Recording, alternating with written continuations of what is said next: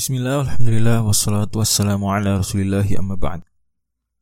Uh, Ini adalah audio yang ke-28 dari serial Ghoribu Qisaril Mufassal.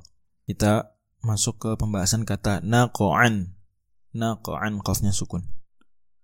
Di mana Allah firmankan fa'atharna bihi naqa'a.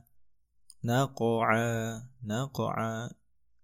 Naqa'an artinya adalah debu dan kuda yang dibahas di ayat pertama wal adiyati saking kencangnya lari sampai fa'atharna menerbangkan.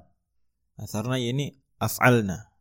Kuda-kuda tersebut dianggap atau uh, fiilnya menggunakan tasrifan fiil madhi yang fa'alna hunna.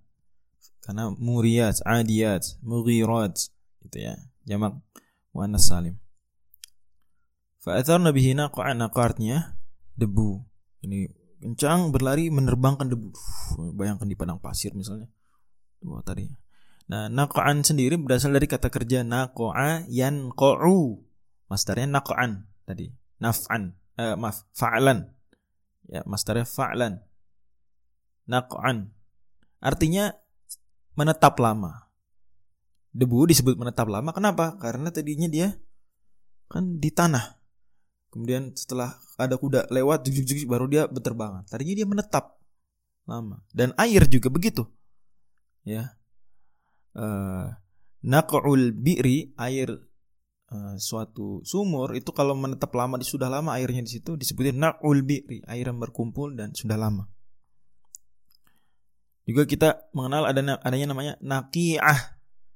Naqi'ah itu makanan yang dibuat untuk orang yang baru datang dari safar ini ada orang datang dari pergi jauh kita buatkan makanan makanan namanya nakiyah kenapa? Karena nakiyah ini kenapa? Karena makanan dikumpulkan di situ.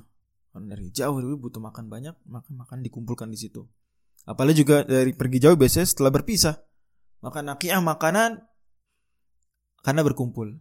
Ya, makanan yang dihidangkan ketika berkumpul lagi setelah berpisah berkumpul. Air air berkumpul. Dan memang makna istiqoqinya begitu.